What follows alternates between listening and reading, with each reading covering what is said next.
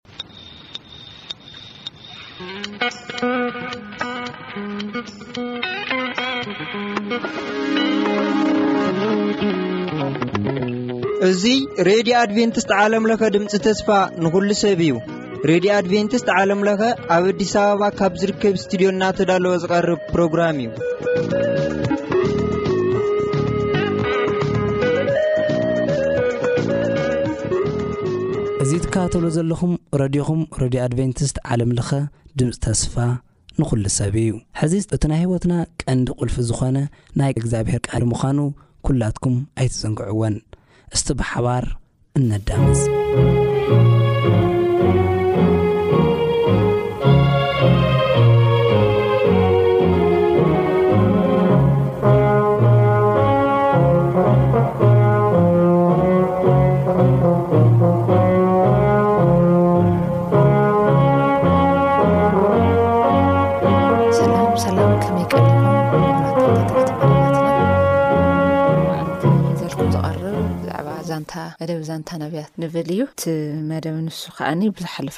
ብዛዕባ ሆሴ ርኢና ነርና ሕጂ ከዓኒ ብዛዕባ ናይ ካሊእ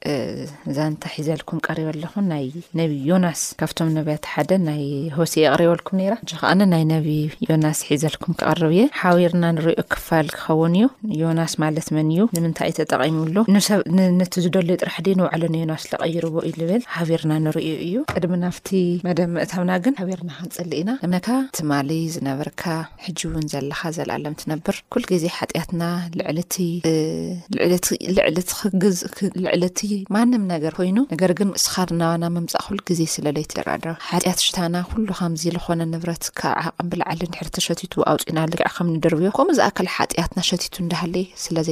ርሕቀና ጎይታ ስለ ትርሕርሐልና ነመስግነካ ሕጂ ውን ተመላለስ ኣብዚ ጉባኤና ካብ ስቴድዮና ንዝመሓለለፍ ትምህርትታት ዘበለ ኩሉ ንሰማዕትና ሂወት ምስ ትርፉ ክኾነሎም ንልምነካ ኣይትፈለየና ስለ ሽም የሱስ ኣሜን። ናይ መጀመርያ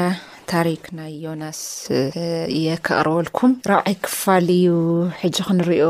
ናይ ዮናስ ዛንታ ዮናስ ማለት ብዛዕባ ሓደ ትእዛዝ እግዚኣብሔር ኣይፍጽምን ዝበለ ነቢይ ዝነግር ታሪክን ብዛዕባ ዘጋጠሞ መከራ ዝገልጽን መጽሓፍ ስለ ዝኾነ ካብተን ካልኦት መጽሓፍቲ ብትንቢት ፍልይ ዝበለ መልክዕ ዘለዎ እዩ። እግዚኣብሔር ንዮናስ ናብታ ርእሲ ኸተማ ኣሶር ዝኾነት ነነዌ ክኸይድ ኣዘዞ። መንግስቲ ኣሶራ ጸላኢት እስራኤል እያ ዝነበረት። ዮናስ ግና እግዚኣብሔር ከምቲ ዝበሎ ጌሩ ንነነዌ ኣይጥፍኦን እዩ ኢሉ ስለ ዝኣመነ ቃል እግዚኣብሔር ሒዙ ናብታ ከተማ ክኸይድ ኣይፈተወን። እንተኾነ ድሕሪ ብዙሕ ተኣምራት። ደስ እንተይ በሎ፣ ትእዛዝ ክፍጽም ከደ። እቲ ብዛዕባ ጥፍኣት ከተማ ነነዌ ዝተዛረቦ ትንቢት ከም ዘይተፈጸመ ምስ ረኣየ ድማ ተቖጥዐ። እግዚኣብሄር ኣብ ልዕሊ ፍጥረቱ ምሉእ ስልጣን ከም ዘለዎ ትንቢት ዮናስ ኣብሪሁ ይገልጽ። ልዕሊ ዅሉ ግና እግዚኣብሄር ኣምላኽ ፍቕርን ምሕረትን ከም ዝዀነ፣ ንጸላእቱ ከኣ ንጸላእቱ ህዝቡ ኸኣ ከም ምጥፍኦምስ ካብ ምጥፍኦምሲ ምምሓሮም ምድሓኖም ከም ዝፈቱ፣ ዝገልጸልና ዛንታ እዩ ናይ ዮናስ መጽሓፍ ማለት ሽዑፍት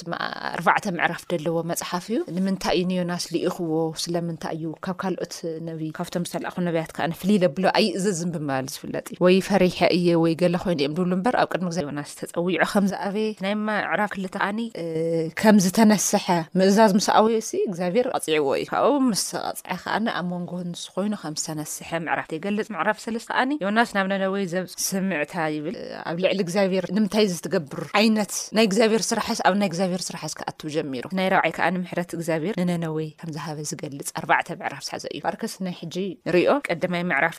እና ካልኣይ ምዕራፍ እዩ ድኸውን ናይ መጀመርያስ እንታይ ይብል መሲልኩም ዮናስ ንእግዚኣብሔር ምእዛዝ ከምዝኣበይ ዝብል ኮይኑ ከምዚ ዝብል ቃል እግዚኣብሔር ናብ ዮናስ ወዲ ኣማቴ መፀ ተስእ ናብቲ ዓባይ ከተማ ናብ ነወ ኺድ ክፍኣታ ኣብ ቅድመይ በፂሑ እዩ እሞ ኣብ ልዕሊኣ ከዓ ስበኽ ዮናስ ግና ካብ ገፅ እግዚኣብሔር ክሃድም ናብ ተርሴስ ተልዓለ። ናይታ ኸተማ ኸፍኣት ስለ ልበዝሐስ፣ ዮናስ ከድካ ንገረለይ፣ እዞም ሰባት እዚኦም እንተ ዘይሰሚዖም ክሞቱ እዮም፣ ስለዚ ኸድካ ሰብጽሐለይ መልእኽቲ ኢድ ውለደሎም። ንሱ ኸኣኒ እግዚኣብሄር ናብቲ እደወሎ ቦታ ዲኾነ ኸይዱስ፣ ናብ ነነዌስ ናብ ተርሴስ ኸተማ ኸይዱ። ናብ ተርሴስ ኪኸይድ ከሎ ስለምንታይ ይመስለኩም? ነነዌ ማለት ናይ ኣሶር ዋና ከተማ ዓባይ እያ፣ በቲ ሽዑ ሰዓት ብዙሓት ሰባት እዮም ደለዉ፣ ኣብቲ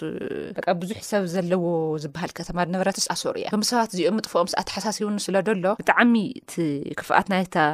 ከተማ ከዓ ንቅድሚት ስለ ዝበፅሐስ ከድካ መልእኽ ተብፅሐለይ ግን እንታይ ይብል ዮናስ ግና ካብ ገፅ እግዚኣብሔር ክሃድም ናብ ተርሲስ ከደ ንምንታይ ዩ ከይዱ ናብ እዮ ኣኸዓ ወረደ ናብ ተርሲስ እትሓልፍ መርከብ ድማ ረኸበ ካብ ገፅ እግዚኣብሔር ምእንቲ ክሃድም ምስቶም ናብ ተርሲስ ምስኣቶም ናብ ተርሲስ ክኸይድ ዋጋ ከፊሉ ናብ መርከብ ኣተወ እግዚኣብሔር ድማ ናብቲ ባሕሪ ብርቱዕ ንፋስ ሰደድ እታ መርከብ ክትስበር ክስካዕ ቅርብ ኣብቲ ባሕሪ ብርቱዕ ማዕበል ኮነ እቶም መርከበኛታት ሰባት ድማ ፈርሑ፣ ነፍሲ ወከፎም ነናብ ኣምላኾም ተማህለሉ። ክብደት እታ መርከብ ምእንቲ ኪቐለሎም ከኣ ኣብ ውሽጣ ዝነበረ ኣቕሑ ናብ ባሕሪ ደርበይዎ። ሽዑ እግዚኣብሄር፣ ሶሪ፣ ሽዑ ዮናስሲ ንእግዚኣብሄር ኣይእዘዝን ኢሉ ብምኻዱ፣ እንታይኸ እዩ ተጠቒሙ? ናብ ተርሴስ ከይዱ፣ መርከብ ተሳፊሩ፣ መርከብ ተሳፊሩ ክኸይድ ከሎ ባሕርን ማዕበልን ማያትን ዝእዝዝ እግዚኣብሔር እንተሃልይስ ብባሕሪ ከምልጥ ማለት እዩ ብመርከብ ከምልጥ ማለት እዩ እግዚኣብሔር ንዮናስ ድኸውን መንገዲ ይስእነሉ ማለት ዮናስ እዚ ኩላይ ዝገብሮ ደሉ ንህዝቢ እስራኤል ተልኸውን ነይሩ ናይ ባዕሉ ህዝቢ ክኸይድ ነይሩ እዩ እዚኦም ግን ፀላእተይ ወቃዕተይ እንዳሃለውስ ከመይ ኢለ ኣነ ንዚኦም ሰብኽ እዩ እኒኤቱ ናቱ ናይ ዮናስ ከመይ ኢለ ንፀላእተይስ ንኣይ ከምዚ ኩሉ ግዜ ዝጭቁኑና ሰባትስ ከመይ ኢለ ንሕናስ ምሕረት ግበረሎም ኢለ ኣነ ክመሓሩ ኢለ ኣነ ክሰብኽ ልኸይድ ተደልዮም በቃ ናብ ድላዮም ይኸዱ ኢሉ እዩ ኣብዩ እኒኦ ድሓር ናብ መርከብ ኣትዩ ናብ መርከብ ምስ ኣትየ ከዓ እንታ መርከብ እንታይ ኮይና ይብል ሓያል ማዕበልን ንፋስን መፅኡ ከንገላትዓ ጀሚሩ እዚ እምበዓር እዚ ንፋስን ማዕበልን ኣዚዙ ዘሎ ግን መን እዩ እግዚኣብሄር ስለምንታይ ስለ ሓደ ነፍሲ እኒኦ ዝኮብልለው እቲ ነፍሲ እሱ ከዓኒ እግዚኣብሄር ስለ ዝደልዮ ንዮናስ እውን ይደልዮ ነቶም ዝጠፍኡ ዘለዉ ከተማታት ከዓ ይደልዮ ዘን እግዚኣብሄር ይቐፅዖ ድዩ ደሎ የምህሮ እዩ ደሎ እምበር ካልእ ኣይኮነን ንስኩም ተዘይተቐፃዕኹምስ ደቂ መን ደኣ ክትበሃሉ ዝብል እኒኦ ዕብራውያን መፅሓፍ መጽሓፍ ጳውሎስ ንሰብ እብራውያን ክነግሮም ከሎ ደቂ ደቓለ ኣይኮንኩምን ስለዚ እግዚኣብሔር ንዘጥፍ ይቐጽዕ ናይ እግዚኣብሔር መቕጻዕቲ ግን ጥፍኣት ደይኮነስ ንትምህርቲ እዩ ሽዑ ከዓ እንታይ ገይሩ ይብል ኣብቲ መርከብ ደዩ ትልከኣል ገይሩ እታ መርከብ ከዓ ብሰንኩ ተላዒላ ናዕቢ ተላዒሉ ዶም ብሰንኩ ብናቱ ሰንኪ ብዙሓት ሰባት ክፈርሑ ጀሚሮም እንታይ ይብል መስለኩም እቶም መበርከበኛታት ድማ ፈርሑ ንነፍሲ ወከፎም ነናብ ኣምላኾም ተማህለሉ መን ኣምላኾም ነና ኣምላኾም ይብል ካሊእ ኣምላኽ ይደለዎም መጨረሻ ከም በልኩም የትግረሙ ኢኹም ክብደት እታ መርከብ ምእንቲ ቀለሎም ከዓ ኣብ ውሽጣ ዝነበረ ኣቑሑ ናብ ባሕሪ ደርበይዎ ዮናስ ግና ናብቲ ታሕተዋይ ክፍሊ እታ መርከብ ወሪዱ ከቢድ ድቃስ ደቂሱ ነበረ እቲ ሓለቓ መርከብ ከዓ ናብኡ ቀሪቡ ንምንታይ ትድቅስ ተስእ ምናልባሽ እግዚኣብሔር ከይንጠፍእ እንተዘከረናሲ ስም ኣምላኽካ ፀውዕ በሎ ኩሎም ነናብ ኣምላኾም ይፅውዑ ነይሮም ናይ ዮናስ ኣምላኽ ከዓ ንመን እዩ እግዚኣብሔር እዩ ስለዚ ትኸውን ጸውዕ ሓግዘና ኢሎሞ። ነንሳቶም ድማ እዚ መከራ እዚ ብሰንኪ መን ከም ዝረኸበና ምእንቲ ክንፈልጥሲ ንዑ ዕጻ ነውድቕ ተባሃሃሉ። ሽዑ ዕጻ ኣውደቑ፣ እታ ዕጻ ኸኣ ኣብ ዮናስ ወጸት። ንሳቶም ከኣ በይዛኻ ንገረና፣ እዚ ረኺቡና ዘሎ መ ከራሲ ብሰኪ መን ብሰንኪ መን እዩ? ስራሕካ እንታይ እዩ? ካበይ ከ ኢኻ መጺእኻ? ሃገርካ ከ ኣበይ እዩ? ካብ መን ወገን ከ ኢኻ? ኢሎም ጠየቕዎ። ንሱ ኸኣ ኣነ እብራዊ እየ፣ ነቲ ባሕርን ንጹ ጽሩይ ንሱ ኸዓ ኣነ እብራዊ እየ ነቲ ባሕርን ንቁጽን የብስን ዝፈጠረና ኣምላኽ ሰማይ እግዚኣብሔር ዘምልኽ እየ በለ ሽዑ እቶም ሰባት ንሱ ካብ ገጽ እግዚኣብሔር ይሃድም ከም ዘሎ ባዕሉ ስለ ዝነገሮም ፈሊጦም ነበሩ የመና ፈርሑ እሞ ስለምንታይ ደኣ እዚ ገበርካ በልዎ ስለምንታይ እቲ ባሕርን ማዕበልን እናበርትዐ ይኸይድ ስለ ዝነበረ ንሳቶም ባሕሪ ክሃድእልናስ እንታይ ንግበርካ በልዎ ንሱ ድማ እዚ ብርቱዕ ማዕበል ብሰንከይ ከም ዝበጽሐኩም ሶሪ ከም ዝበጽሐኩም ፈሊጠ ኣለኹ እሞ ኣልዒልኩም ናብ ባሕር ደርብዩኒ እቲ ባሕሪ ኸኣ ክሃደልኩም እዩ በሎም እቶም ሰባት እናቐዘፉ ናብ ምድሪ ክምለሱ ኣበርቲዖም ይጽዕሩ ነበሩ ግና እቲ ባሕሪ ማዕበሉ እናበርትዐ ስለ ዝኸደ ኣይኮነሎምን ንምንታይ ንዮናስ ክድርብዩ ወይ ደሎ እዩ ብቃ እንዳቐዘፉስ ናብቱ ደረቕ መሬት ክወጽሑ ደል እዮም ነፍሲ ዝኣክል ከጥፍኦ ዩ ደለዩ ነፍሲ ዝኣክል ከጥፍ ዩ ደለዩ ሽዑ ኦ እግዚኣብሔር ኢሎም ጸልዮም ንልመነካ ኣሎና ምእንቲ ነፍሲ እዚ ሰብ እዚ ኣይተጥፍኣና ኦ እግዚኣብሔር ዝፈተኻዮ ጌርካ ኢኻ እሞ ንጹህ ደም ኣብ ልዕሌና ኣይኮኑ ኢሎም ናብ እግዚኣብሔር ተማህለሉ ንዮናስ ኣልዒሉ ድማ ናብ ባሕሪ ደርብይዎ እቲ ባሕሪ እውን ካብ ምንዋጽ ሃደኣ እቶም ሰባት ከዓ ንእግዚኣብሔር የመን ኣፈርሕዎ ንእግዚኣብሔር ድማ መስዋእቲ ሰውኡ መጽባዓ እውን ተመጻቡ እዚ ገይርሉ ንዮናስ ንሶም እውን ካብቲ ናይ ዮናስ ሕተ ተማሂሮም ናብ ኣምላኾም ጸለዩ ኢለኩም ነረ ተማሃል ናብ መን ናብ ዝኣምልዎን ሶሪ ናብ መን ናብ ናብ ዝኣምንዎ ናብ ዝኣምንዎ ኣምላኽ እዮም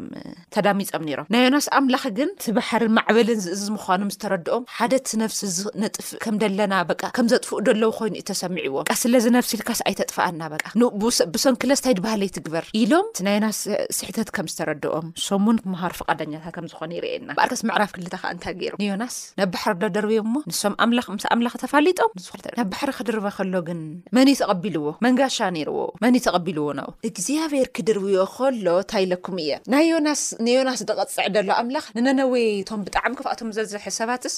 ንነነዌ ኬድካ ጽሕሌ ኩሉ ከሎስ ንዮናስ ናብ ባሕሪ ክድርብዮ ከሎሲ ከመይ ይመስለኩም ነቲኦም እንዳመሐረስ ንዮናስ ደይመሓሮ ደኣ ንምንታይ ይቐጽዖ እዩ ደሎ እምበር ኣየጥፍኦን ደሎ ንዮናስ ታይ ይብል ከኣኒ ኣብ ከብዲ ዓሳ ሰለስተ ለይትን ሰለስተ ቐትርን ኣብ ከብዲ ዓሳ ኣጽንሖ ይብል ኣጽንሖ ይብል እግዚኣብሔር ግና ይብል ምዕራፍ ይብል። ንዮናስ ዝውሕጥ ሓደ ዓብዪ ዓሳ ኣዳሎ። ዮናስ ከዓ ኣብ ኸብዲ ዓሳ ሰለስተ መዓልትን ሰለስተ ለይትን ገበረ። ዮናስ ኣብ ከብዲ ዓሳ ኾይኑ ናብ እግዚኣብሔር ኣምላኹ ጸለየ። ከምዚ በለ፣ ብጊዜ መከራይ ናብ እግዚኣብሔር ኣምላኽ ኤእወኹ፣ ንሱውን ሰምዐኒ። ኣብ ርእሲ፣ ሶሪ፣ ኣብ ከርሲ ሲኦል ኮይነ ኤእወኹ፣ ንስኻውን ድምጸይ ሰማዕካ። ንስኻ ናብቲ መዓሙቕ፣ ናብ፣ ናብ ልቢ ባሕር ደርበኻኒ። ወሓዚ ከቢቡኒ፣ ኩሉ ማዕበልካ ሞገደይ ብልዕለይ ሓለፈ፣ ኣነ ኸዓ ኣብ ቅድሚ እዒንትኻ ተሰጎጉ። ግና ናብ ቅዱስ። ኢየሱስ መቅደስካ መሊሰ ክጥምት እየ በልኩ ማያት ክስካዕ ነፍሰይ ከቢቡኒ መዓሙቅ ኣብ ዙርያይ ነበረ ሳዕሪ ባሕሪ እውን ኣብ ርእሰይ ተጠምጠመ ናብ መሰረት እምባታት ወረድኩ ኣብ ምድሪ እውን ኣብ መወርወሪታ ንዘልኣለም ተዓጸኹ ኦ እግዚኣብሔር ኣምላኸይ ንስካ ግና ንህይወት ካብ ነጎድጓድ ኦ እግዚኣብሔር ኣምላኸይ ንስካ ግን ንህይወተይ ካብ ጉድጓድ ኣውጻእካያ ንነፍሰይ ኣብ ውሽጠይ ምስ ዝሓለት ንእግዚኣብሔር ዘከርክዎ ጸላእተይ ናባካ ናብ ቅዱስ መቅደስካ ትዕረግ ነፍሰይ ኣብ ውሽጠይ ምስ ዝሓለት ንእግዚኣብሔር ዘከርክዎ ጾሎተይ ናባካ ናብ ቅዱስ መቅደስካ ትዕረግ እቶም ከንቱ ሓሶት ዝሕልው ምሕረቶም ይሓድጉ ኣነ ግን ብምስጋና ቃል መስዋእቲ ክስውኣልካ እየ ነቶም ነቲ ዝተመጸባዕክዎ ክዓ ክህብ እየ ድሕንነት ካብ እግዚኣብሔር እዩ ሽዑ እግዚኣብሔር ነቲ ዓሳ እንታይ ገበሮ ኣዘዞ ንሱ ንዮናስ ካብቲ ንቁጽ ምድሪ ተፍኦ ይብል ስለዚ እንታይ ገይሩ ኣይእዘዝን ኢሉ ከይዱ ዘይምእዛዙ ተቀጺዑ ምስ ተቀጽዐ ከዓኒ ኣብ ባሕሪ ኣብ ናይ ነባሪ ዓሳ ከብዲ ኮይኑ ዝጸለዮ ጸሎት ኣንቢበልኩም ዓሰርተ ሓደ ቁጽሪ እየን ነይረን ምዕራፍ ፍልት እግዚኣብሔር እዚ ኩሉ ክስካብ ዝብል ተጸብዎ ናይ ነነዊ ጥፍኣት ለይደሊ ናይ ዮናስ ጥፍኣት ላይደሊ እግዚኣብሔር ስለዚ ከም ዝርድኦ ገይሩ ኣብ ዝርድኦ ቦታ ኣንቢሩ እዮም ሂርዎ ኣንሕና ከኣነ ብመከራ ኮነ ብዝተፈላለዩ እግዚኣብሔር ከይተኣዘዝና ክንቐሪ ከለና ንዘለኣለም ንጠፍእ ማለት ግን ኣይኮነን እግዚኣብሔር እንመሃረሉ መንገዲ ጥሑ ባይታ የዘጋጀየልና ብኡ ተተማሂርና ጽቡቕ ተለይ ተማሂርና ግን ያው ጽቡቕ ኣይኮ ኣብ መጨረሽኡ። ኣንሕና ዘይምእዛዝ ባህሪ ክነርኢ ንኽእል ኢና፣ ድሕሪኡ ዘሎ ውጽኢት ናብ ልኾነ ቦታ ኣእትዩ ክቐጽዐና ክምኩር ከሎ ግን ክነማርር ደይኮነስ ብጣዕሚ ደስ ልብለኒ ዘማሪ ዳዊት ልኾነ ነገር ኣብ ልዕሊኡ ክግበር ናይ ሓጥያተይ ውጽኢት እዩ ዓይነት ዝብል ሰብ ነይሩ እዚ ኣብ ነባሪ ዓሳ ኮይኑ ዘሎ ዮናስ ለለ ተረዲእዎ ስለ ልኾብለለ ልእግዚኣብሔር ስለ ልይተኣዘዘ ምዃኑ ስለ ልተረድኦ እንታይ ኮነ ይብል ኣብ ከብዲ ዓሳ ነባሪ ኮይኑ ጸሎት ጸለየ። ተማህለለ እግዚኣብሔር ከኣ ወዲያው እንታ ምህልኡ ተቐቢልዋ እታ ጸሎት ሰሚዕዋና ጸሎት ሰሚሩሉ ይብል ኣብቲ ቃል ስለዚ እግዚኣብሔር ምእዛዝን ዘይምእዛዝን ዘምጽኦ ውጽኢትን በረከትን ነንወይኑ ፈሊና ክንርኤ ይግብኣና ኣፈላላይ ኣለዎ እቲ ሰብ እዚ እግዚኣብሔር ዘይምእዛዙ ጥራሕ ዘምጽኦ መከራ ብዙሕ ነገር ፈጢሩሉ እዩ ብዙሕ ነገር ፈጢሩሉ ለምሳሌ እንታይ እንታይ ፈጢሩሉ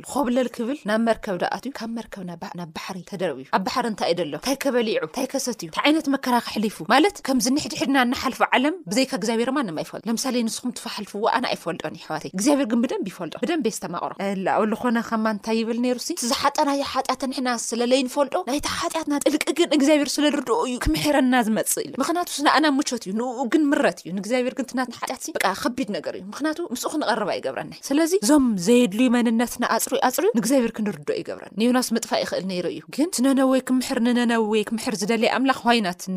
ንዮናስ ዶ ይምሕሮ ስለዚ ፈቓደኛ ኮይኑ ዮናስ እውን ሽዑ እግዚኣብሔር ከዓኒ ምሕረት ወድያ ወድያ እታ ዓባይ ትበሃል ናይ በቃ እዛ ናይ መጀመርያ ጸሎታ እግዚኣብሔር ኣብ ሰማይ ትስማዕ ጸሎት ኣይድያ መሓረኒ ትብል ጸሎት እያ መሓረኒ ከዓኒ ኢልዎ ምሒርዎ ምሒርዎ ወድያውን ምሒርዎ ማለት እና እታ ክንገብሩ ኒኤና ክርድአና ክኽእል እኒኦ ማለት እዩ ግን ኩለና ኣይንእዘዝን ፈልጥ ኢና ኣብ ሮሜ መፅሓፍ እንታይ ይብል ኩሉ ብዘይ ምእዛዙ ክብሪ ኣምላኽ ጎዲልዎ እዩ ግን ከም ዝጎደለና ኣይንነብርን ናብ ምእዛዝ መገዲ እንተ ደኣ መፂና እቲ ክብሪ እውን ይመፅ እዩ ስለዚ እንታይ ንኸውን ማለት እዩ ፀጋ ኣብ ልዕሌና ይዓዝዝ ምሕረት ኣብ ልዕሌና ይዓዝዝ ማለት እዩ እና በዚ ንወዲ ዝን እንዳበልና እንታይ ንገብር ማለት እዩ ሂወትና ኩሉ ነገርና ነስተኻኸል ማለት እዩ ስለዚ እንታይ ክንገብር ንኤና ኣሕዋተይ ብዘይ ምእዛዞም ብዙሓት ሰባት ኣብ ምድሪ ጠፊኦም እዮም ኾብሊሎም እዮም ዘይምእዛዝ ዘምፅኦ ኪሰራታት ብዙሕ እዩ ብሒሳብ ሒሳ ክንሰርሕ ንኽእል ኣብ ስራሕና ክንሰርሕ ይኣኽለና ኣስተብዒልና ተለይ ሰሪሕና ትለይ ዝተውዐልናዮ ውፅኢት መጨረሻ ታይ ይህበና እዩ ለኾነ ነገር የቐምጠልና እዩ በቃ ናይታ ልሰራሕኻያ ውፅኢት ኢኻ ናይታ ልሰራሕኻያ ነፀብራቕ ኢኻ እግዚኣብሔር ዘይምእዛዝን ናይ እግዚኣብሔር ስራሕ ለይምውዓልን ከዓ ንዘምፅኦ ውፅኢት ኣለዎ ፍልይ ለብሎ ካብ ነብያት ዮናስ ኣይእዘዝን ብማል ዝፍለጥ እዩ ክዱ ተተዋሂሎም ተላዒሎም እዮም ዝኾኑ ነይሮም በቃ ናይ እግዚኣብሔር ቃል እያ ንመብፅእ ኣንሕና ለምሳሌ ለኾነት ኣቕሓ እዚኣ ኣብፅሐለይ ንኾነት ኣቕሓ ሰብፅሐለይ ኢልካ ሰብ ብእምነት ንቲ ሰብ ተዘይውፅሒካሉስ ተብፅሐለይ ልበለካ ሰብስ ታይ ይስምዖ ብጣዕሚ ሓዘን ይስምዖ ምኽንያቱ ኣሚኑካ እዩ እዩ እግዚኣብሔር ካኣ ንዮናስ የጥፍኣ የጥፍእ ብዘይገድስ ኣሚንዎ ነይሩ እዩ ከብፀሐሉ እዩ ፀዊዕዎ ካልኦት ሰባት ኣይነበሩ ድዮም ንምንታይ ንዮናስ ፀዊዕዎ ነይሮም ግን ንዮናስ ከምህሮ ዝደለዮ ነገር ነይርዎ ከምኡ ዓይነት ስምዒት ነይርዎ ንፀላእቱ ክርህርህ ለይኽእል እንዶም እታብ ልዕሌና ልበፅሐት ብዕፅፊ ዓይነት ዝብል ዝነበረ ሰብ ነይሩ ጨረሻ ግን እንታይ ንብል እግዚኣብሔር ከረድኦ ስለ ልደለየ ንባዕሉ ንዮናስ ድምፂ እግዚኣብሔር ዮናስ ከዓ ናይ እዝዝን ኢሉ ብዘይ ምእዛዝ ዘምፅኦ ኪሰራካ ንሪኢ ሂወትና ብኪሰራካ ንሰርሖ የብልናን እዚ ሒሳብ ምክንያቱ ኣብ ዓለም ካብ እግዚኣብሔር ወፃኢ ንኸዶም መንገድታት ኩሎም ጥቕሚ የብሎም ጥቕሚ የብሎም ለምሳሌ ኣቦና ነደናን ንበል እሞ ካብ ናይ ኣቦና ነደናን ወፃኢ ንኸይድ እንተ ንነብር እንተ ኮይና መጨረሻ እንታይ እዩ ኣሕዋት ዝፈልጥዎ ነገር የብሎም እዩ እቶም ሓላፍነት ኣይወስዱን። ኣቦኻ ነደኻን ዝወለኻ ለይገብር ተኾይንካ ንሶምለ ክጥይቁ ኣይክእሉን። ሓላፍነቶም ኣውሪዶም ኣለው ማለት እዩ። ንስኻስ በቃ ኮብላሊ ኮይንካ ኣለኻ ካብ ናይ ባዕልካ ወጻኢ በቃ ካብ ናይ ገዛኻ ወጻኢ ኮይንካ ኣለኻ ማለት እዩ። ስለዚ ናይ ምኹብላልካ ውጽኢት ኣንትረኽባ ለምሳሌ ሓደ ሓደ ደቂ ንወለዶም ብዘይምእዛዞም ቆልዑት ታይ ይኾኑ ሂወቶም ኪሳራ ብኪሳራ ይከውን ኣብ ዘይለ ሂወት ይኣትዩ ኣብ ዝተፈላለየ ዓለም ይኣትዩ እዞም ወለዲ ድዮም ተጋግዮም ሕጂ ወለዲ ሂወት ኣቅሚጦም ሂወት እንዶም ብስሩዑ ንቀጻሊ ክከውን ድክእል ውን ቅጺ የቢሎም ኣጽርዮም ኣቅሚጦም እንዳ ለህመይ ሎሚ ጥዮ እግዚኣብሔር ለንዮናስ ኣዘጋጅይሉ ተትኣዚዙ ጽቡቅ ተዘይተኣዚዙ ጽቡቅ ከምዚ ንእሽተይ እዚ ወዲ ሃፍታም ሰብኣይ ዝጠፍኣ ቆልዓ ነቡኣ ይእዘዝ እኔ ኣክለኒ ኣነብ በቃ ከምዚ ደኒእና ኢሎም ኣዘራርባ ዕድመ ኣዳም በቃ ዓብየ እየ በፂሐ እየ እሞ በቃ ከም ድላይ ይኸውን እየ ንዕበ ንንኣስ ዘይምእዛዝና ዘምፅኦ ኪሳራ ኣለዎ ነቦታትና ነዴታትና ደይንእዘዝ እንተኮይና ክብሪ ኣይንረክብ ዕድመኻ ክነውሐልካስ ታይ ግበር ድዩ ልብል ኣቦኻ ነደኻ ንኽብል ካሊእ ግበር ኣይብልን እና ንሕና ንገብሮ እኒኤና እግዚኣብሔር ክንእዘዞ ንእግዚኣብሔር ከይተኣዛዝና ክንቐሪ ከለና ከኣኒ ንሕና ከምቲ ቀንዘው ዝብሉ በቃ ፍቑዶ እንታይ ይበሃል ምንም ኣይጥዕሞም እንታይ ይብል ኣብዛ ዳግም እስኹም ተዘይተኣዚዝኩምኒ ኢልዎ ተዘይተኣዚዝኩምኒ ብጣዕሚ ሎማዓንቲ እንዳንበብኩ ኑር ተዘይተኣዚዝኩምኒ እንታይ ከም ድገብረኩም ነግረኩም ናብ ግብጺ ቀደም ሓቀይ ኣቦኦም ያቆም እዩ ጥሜቱ ክዕንግል ይኸይዱ ግዝኡ ናይልኩም ዋላ ባሮት ኮይንኩም ከተገልግሉ ከይድኩም ዝገዛእኩም የለይ ባርያ ኮይ ባርያ ኮይንካልስ ባርያ ኮይነ ክነብር ኢልካዮሲ ሰምዕካ ኣካል የለይ ቀንዘው ባህሊ ኢኻ ውን ኢልዎ ሓደራኻ ኣሕዋተይ ከምዛ ዘዳግም 28 ደላ ምዕራፍ እግዚኣብሔር ህይወትና ብኺሳራ ክንሰርሖ ኣይደልን ስለዚ ንእግዚኣብሔር ንትኣዘዞ እግዚኣብሔር ዝበሎ ኩሉ ጥዑም እዩ እግዚኣብሔር ዝነክኦ ኩሉ ጥዑም እዩ ንግዚኡ መሪድ ኮይኑ ክስምዐና ይኽእል እዩ እዋ ግን ጥዑም እዩ ውፅኢቱ መጨረሻ ፅቡቅ እዩ ኩሉ ነጊርዎ እንዶም ትቀደምሲ ግብፂ ኣብ ግብፂ እንዳሃለኹም የስርሕኹም ከማን ኳን እዮም። ኣስርሑና ባዶ ክንከውን ኢልኩሞምስ ኣይሰምዑኹም እዩ ኣይደልዩ መን ድኣ እንታይ ድኣ ኢኻ ክትከውን ስለዚ እግዚኣብሄር ንዮናስ በጺሑ ኣምሂሩ ተለየብሎ ነይሩ በቃ ተወዲኣ ናይ ዮናስ ሂወት ኣብ ዓሳ ከብዱ ነይሩ ግን ከምህሮ ስለደለየ መንገዲ ተጠቂሙ መሊስዎ ስለዚ ኣሕዋት እግዚኣብሄር ካብ ዘይምእዛዝ ወጺእና ክንእዘዝ ክነኽብሮ ከምቶም ክብሪ ዝጎደሎም ደይኮነስ መጎስ ኣብ ቅድሚ ኣምላኽ ኣብ ምስ ኣብ መላእ ቅድሚ እግዚኣብሔር መጎስ ንረክብ ሰባት ኢና ክንኸውን ዘለና ንእግዚኣብሔር ተኣዚዙ ዝረኸሰ ወይ ዝሓሰረ እንተ ሃልዩ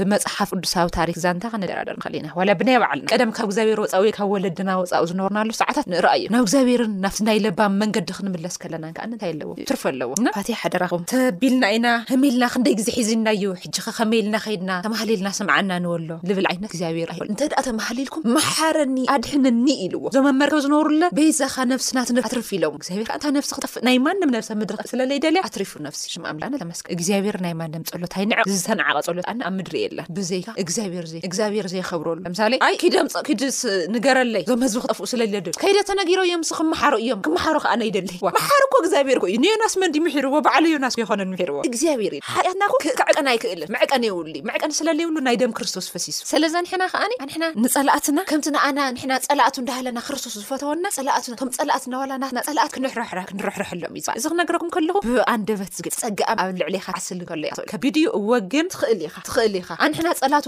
ጸላእቱ እንከለና ኣነ ጸላኢኡ እንዳሃለኹ ፈትዩኒ ነጻ ኣውጽኡኒ ሰለዘንሕና ከኣ እንታይ ክንገብር ኒኤና ንጸላእትና እንዳጸሉኡና ቅኑዕ ክንሓስበሎም ምሕረት ክንምነየሎም ሰላም ክንምነየሎም ኢና ዝበእናና እዚ እንተጌርና ከኣ እግዚኣብሔር ይኸብ ለዚ እዚ ነገር እዚ ክንገብር እግዚኣብሔር ጽው የብዝሐ ብዝቕጽል እስካብ ንራኸብ እዚ ኣምላኽ ናይ መጨረሻ ጸሎት ሓቢርና ክንገብር ኢና ተባረኽ ሓጢኣትና ዓዚዙ ኣብ ልዕሌኻ ዓመጽና በዚሑ እንዳሃለየ ኩልኩል ግዜ እግዚኣብሔር ኣምላኸይ ግዜ ብምሕረት ዓይንኻ ስለ ትርእየና ንሕና ዓመጽቲ ኢና በደልቲ ኢና ባዕልና ንላዕልና ይቕረለይ ንበሃል ሰባት ኢና ግን የሱስ ሕጂ እውን ነዛ ምድሪ ብምሕረት ዓይንኻ ስለ ልጠመትካያ ነመስግነካ በር ከምቲ ናይ ትማሊ ተሓስዩ ነይሩ ዝተሓሰበ ነገር ተድህሉ ሓና ጥፍኣት ጥራሕ እዩ ነይሩ ግን ጎይታ ኩል ግዜ ካብቲ ናይ ዓመፃ መንገዲ ስለ ተውፅአና ሓጢኣትና ሸቲቱካ እንዳሃለ ከማን ስለለይትፍንፍነና ጎይታይ ኩል ግዜ ስለ ትጥምተና ይመስግነካ ብኣርከስ ዝቐረየ ግዜ ሰዓትና ንስኻ ተረከቡ ካብዚ ጀማር እምኒ ፈይደምዳን ሰማዕትና በረከት ኣብ ሕድሕድ ዝብልናባኻ